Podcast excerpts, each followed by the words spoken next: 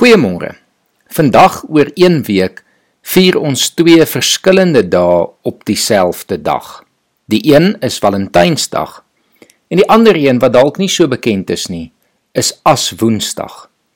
Die dag wat vir ons die lydenstyd van die kerklike jaar se begin aandui.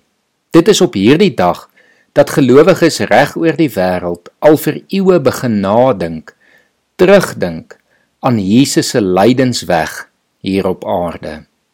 Vir 7 weke lank herroep ons die pad wat Jesus moes stap sodat ons weer bewus kan wees wat hy vir ons gedoen het en wat hy vir ons alles deurgemaak het. Dit vertel dan ook natuurlik baie van wie hy was. 'n Man wat bereid was om sy lewe prys te gee ter wille van die vir wie hy lief is.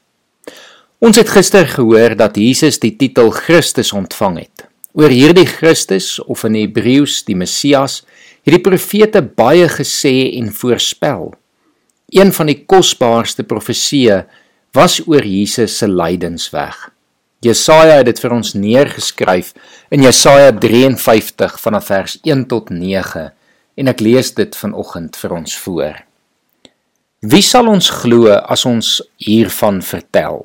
Wie sal die mag van die Here hierin kan raak sien? Die dienaar was soos 'n loot wat voor die Here uitspruit, soos 'n plant wat wortels skiet in droë grond.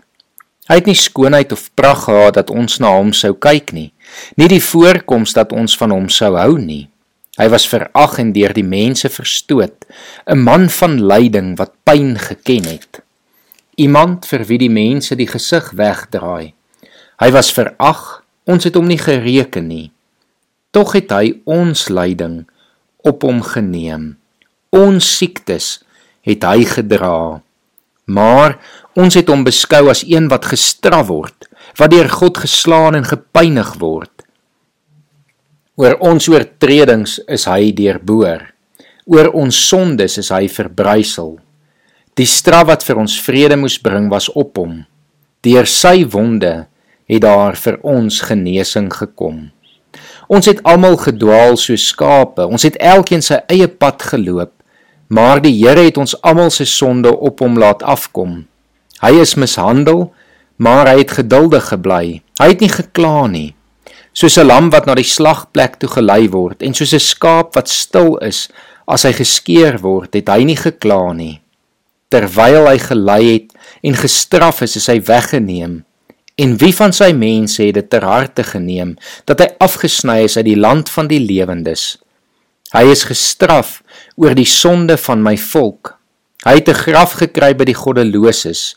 Hy was by sondaars in sy dood al het hy geen misdaad gepleeg nie en al was hy nooit vals nie. Mag jy in die komende weke onthou watter lyding Jesus vir jou deurgegaan het. Alles omdat hy jou liefhet en jou sondes op hom wou neem sodat jy vrygespreek kon word. Kom ons bid saam. Here Jesus, dankie dat ons in die volgende paar weke kan terugdink aan alles wat U deurgemaak het ter wille van ons.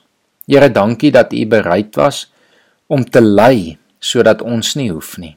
Here, dankie dat U bereid was om seer te kry, verstoot te word, verwerp te word, gemartel te word Here sodat ons vandag kan lewe. Ons kan U nie genoeg daarvoor dank nie. En ons loof en ons prys U daarvoor. Amen.